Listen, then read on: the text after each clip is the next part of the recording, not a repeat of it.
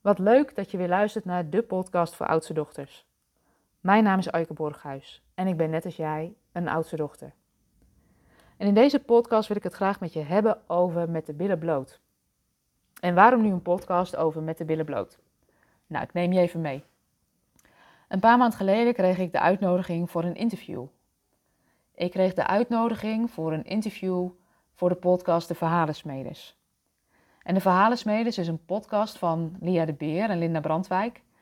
En in deze podcast interviewen Lia en Linda vrouwen over hun levensverhaal. En daarbij ja, gaat het over de mooie en de minder mooie kanten. Dus ook de tegenslag in het leven wordt wel benoemd.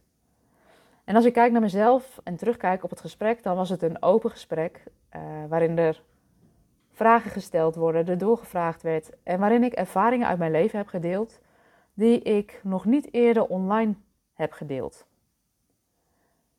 En na dat interview had ik ook al wel zoiets van: ben ik niet te open geweest? Had ik dit wel moeten vertellen? En op dat moment heb ik het gewoon laten rusten.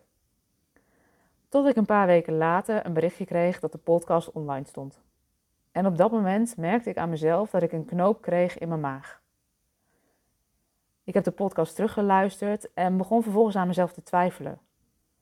Was ik in dat gesprek niet veel te open geweest? Had ik die dingen die ik heb gedeeld wel moeten delen? Er kwam onzekerheid en een gevoel van schaamte omhoog, maar ook een beetje de angst van ja, wat zullen mensen wel niet van me denken? Wat zullen mensen wel niet van me vinden? En wat deed ik vervolgens? Helemaal niets.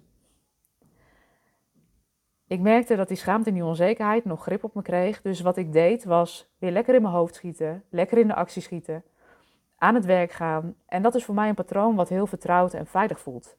En waar ik me best al een hele tijd achter me heb verscholen of kon verschuilen. En wat er wel bijzonder was, is dat ik op een gegeven moment berichtjes kreeg van uh, klanten die mij kennen, mensen die me kennen, dat ze het interview hadden ontdekt. En ik moet heel eerlijk bekennen, dat was nog niet via mij. En ze gaven aan dat ze het zo'n eerlijk en open gesprek vonden. Echt Eike, zoals ze me ook in het echt kennen. En wat ik zelf merk in, in het werken van klanten, ben ik als het helpend is ook best wel open over mijn eigen worstelingen, vallen en weer opstaan in het leven. Maar dat online delen, daar had ik nog wel een drempel op zitten. Ik was ook bang dat mensen me ja, anders zouden gaan bekijken als ze een aantal ervaringen van mij weten. Of dat ze me niet meer als professioneel zouden zien. En het feit dat ik die knoop in mijn maag kreeg, het eigenlijk niet meteen durfde te delen in mijn eigen podcast, was voor mij een teken dat ik nog wat innerlijk werk te doen had. Nog wat innerlijk werk te doen had om helemaal oké te zijn met wie ik nu ben en met de levenservaringen die me hebben gevormd tot wie ik nu ben. En als ik naar mezelf kijk, dan zijn we inmiddels ruim twee maanden verder sinds het uitkomen van de podcast. En nu ben ik er ook aan toe om het interview ook met jullie te delen.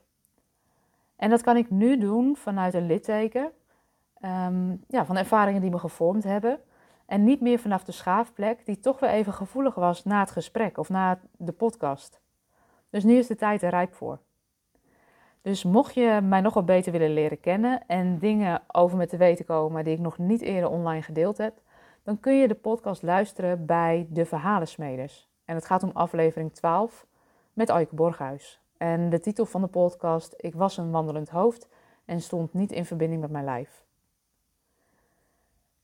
Mocht je de podcast willen luisteren en daarna nog vragen aan me hebben, kun je altijd een berichtje naar me sturen. Ik vind het altijd leuk om met je mee te denken. En um, nou, ook voor mij een belangrijke les weer: van je hoeft niet altijd alles te delen. Je mag jezelf soms ook even de tijd gunnen en de ruimte gunnen om eerst te ontdekken als iets schuurt. Van wat schuurt er in mij? Wat heb ik nodig om um, ja, daar weer vol zelfvertrouwen in uh, te komen?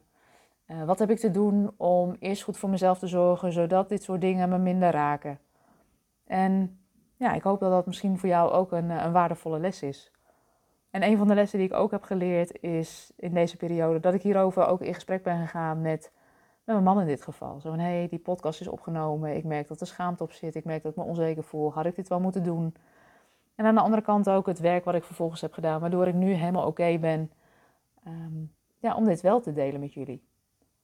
En als ik kijk naar dat hele proces in al die jaren, de afgelopen jaren en nu ook nog, is dat het belangrijk is uh, dat ik heb geleerd dat je het zelf moet doen, maar je hoeft het niet altijd alleen te doen. Dus mocht je na de podcast voelen, nee, ik zou wel wat hulp kunnen gebruiken, wees welkom, voel je vrij om contact met ons op te nemen. Eh, we helpen je graag. Dat kun je doen door een berichtje te sturen naar www.oudstedochter.com. En ehm, voor nu wens ik je een hele fijne dag. En mocht je de podcast luisteren, veel luisterplezier. Doeg, doeg!